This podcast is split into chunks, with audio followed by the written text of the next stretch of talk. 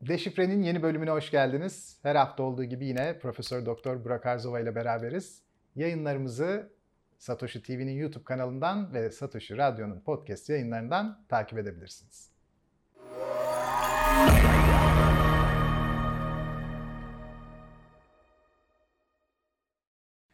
Hocam yine beraberiz, hoş geldiniz. Hoş bulduk, merhabalar. Nasılsınız? Sağ olun, sizleri sormalı. Ben de çok iyiyim hocam. Siz zaten muazzam görünüyorsunuz yine. Harika, siz de öyle. Hocam ekonomi hep tabii matematiksel bir işlem gibi düşünülüyor ama insan psikolojisiyle ve kitlelerin sosyolojisiyle aşırı derecede ilişkili. Bir de ekonomiye hep geçmişe bakarak anlamlandırılan o istatistikler aracılığıyla çözülmeye çalışılan bir şey ama hep geleceği fiyatlandırdığı için gelecekte ne olup bittiğini bilmeden geçmişin ölçütleriyle tam ölçülemeyecek bir şey. Yani ileriye baktığımızda muğlak bir alanla karşı karşıyayız. Bu muğlaklık ne kadar fazlaysa spekülasyonun yanılma oranı tabii ki o kadar yüksek oluyor. Ama bir yandan da şu var, gelecek ne kadar isabetli tahayyül edilebilirse o tahayyül sahipleri o kadar yüksek kazançlar elde ediyorlar. Çünkü gelecekte olacakları şimdiden pozisyon olarak fiyatlamış oluyorlar veya satın almış oluyorlar veya satmış oluyorlar.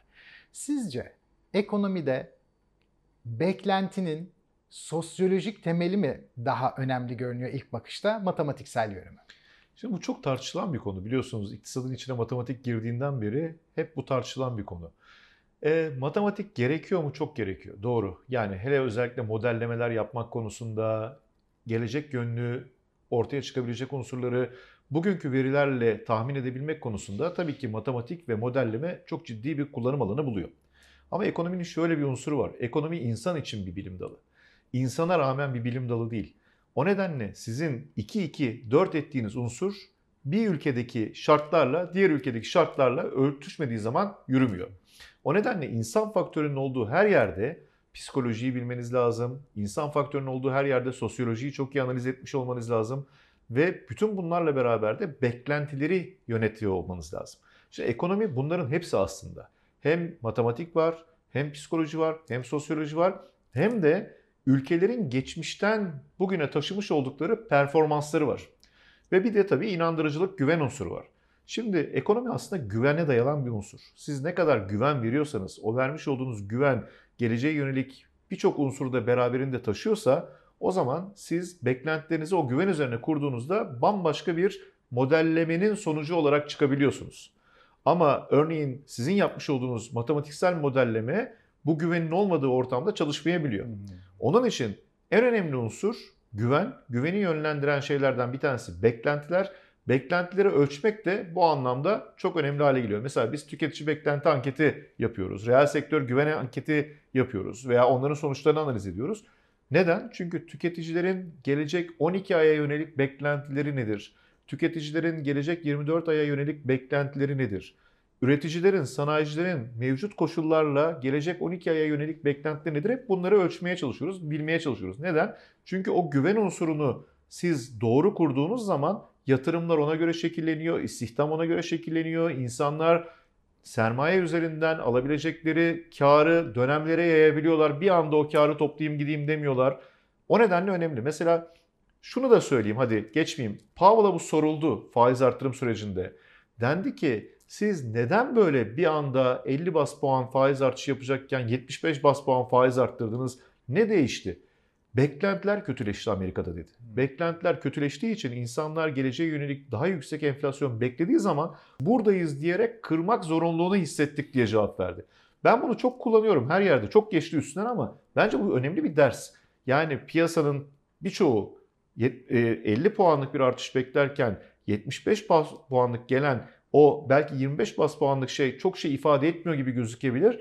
Ama genel itibariyle oradaki yapılan unsur daha uzun beklersek daha çok kaybedeceğiz diye biz onu şimdiden yaparak beklentileri yönlendirmek istedik dedi.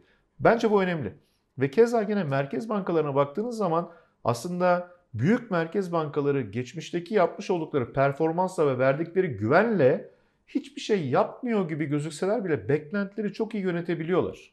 Ve burada önemli olan şu. Yani herkes bu yoldan gitmeyi beklerken siz o yolu değil öbür yolu açtığınızda şaşırtıyorsunuz. Önemli olan herkesin beklediği yolu doğru açabilmektir diye düşünüyorum.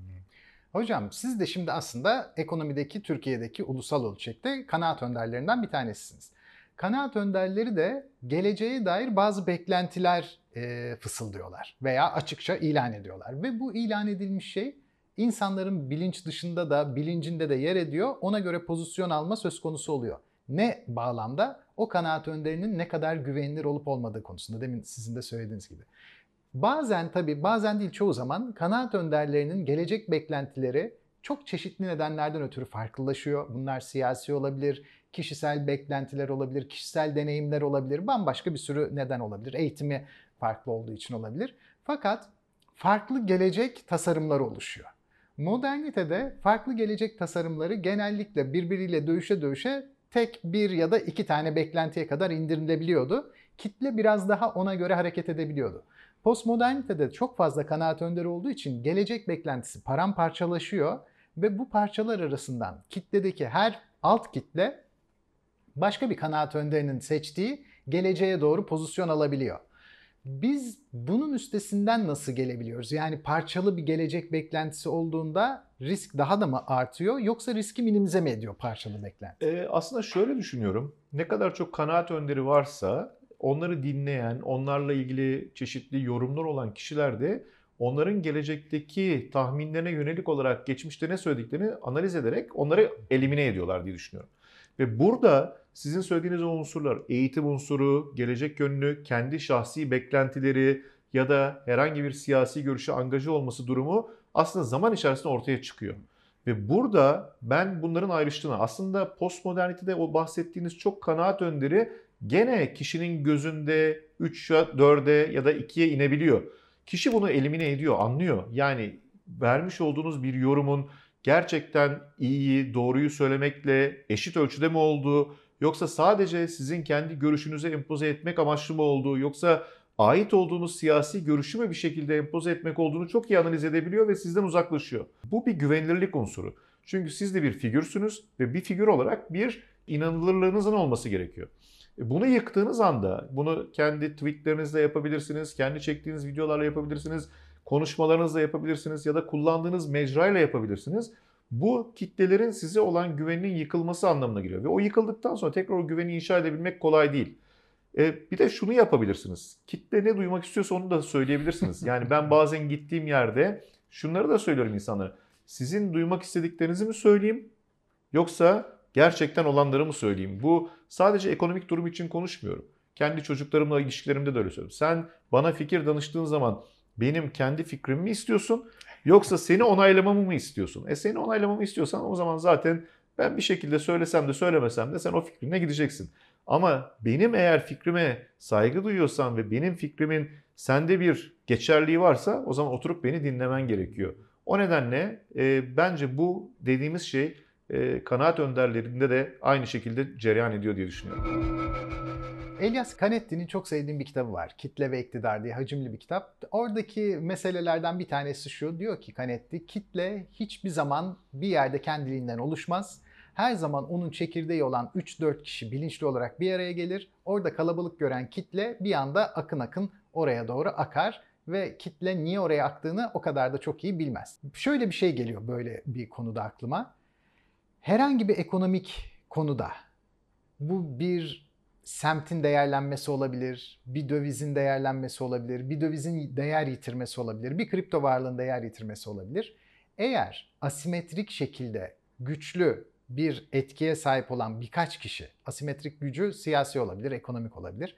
Bunlar bir araya gelip bir semti aşırı derecede büyük bir yatırımla donattığında veya belli bir hisse senedini yoğun şekilde aldığında veya belli bir kripto varlıktan yoğun şekilde çıktıklarında burada birkaç kişilik bir eylem olsa bile yoğun bir kütle çekimi ya da kütle itimi gerçekleşebiliyor.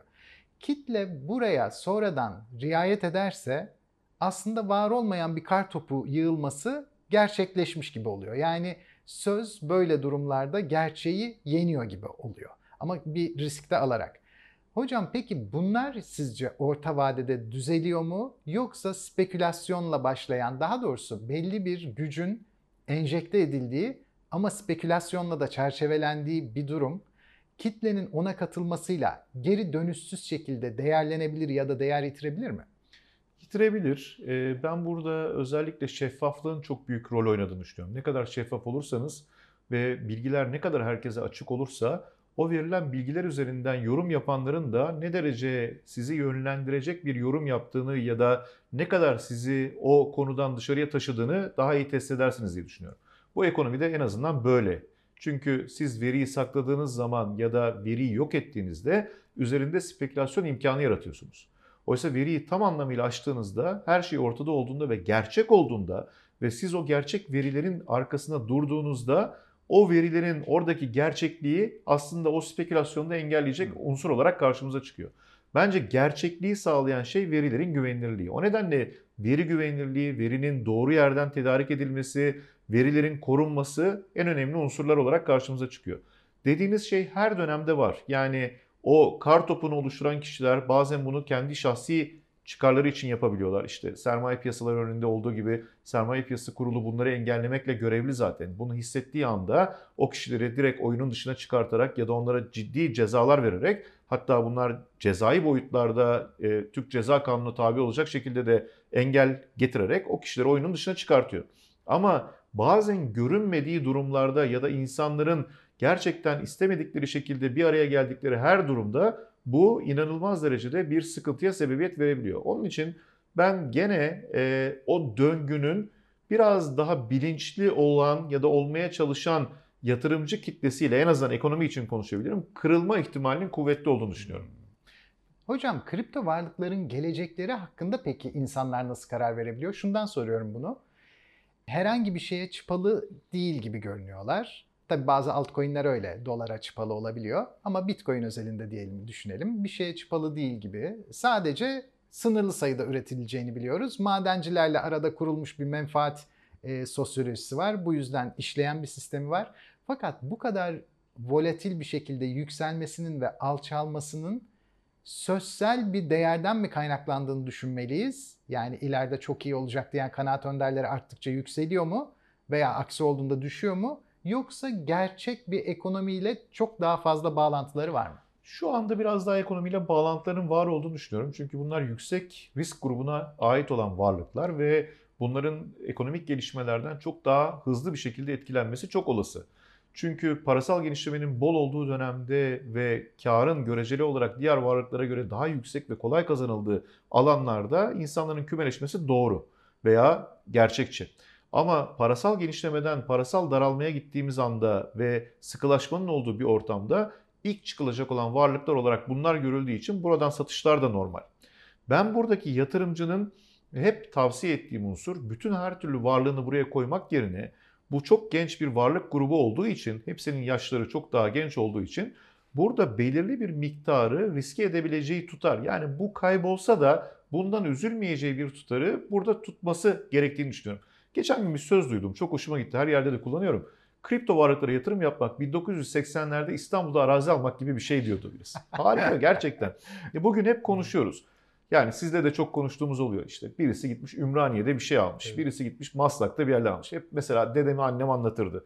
Aa dedenin o zamanlar parası vardı. Keşke gitseydi Maslak'ta yer alsaydı. Ama dedem o gün oraya yatırım yapmaya cesaret edememiş. Çünkü oralar bataklık, tarla, oraya verdiği evet. para hiçbir zaman değerlenmeyecek olarak düşünmüş. Keşke yapsaymış.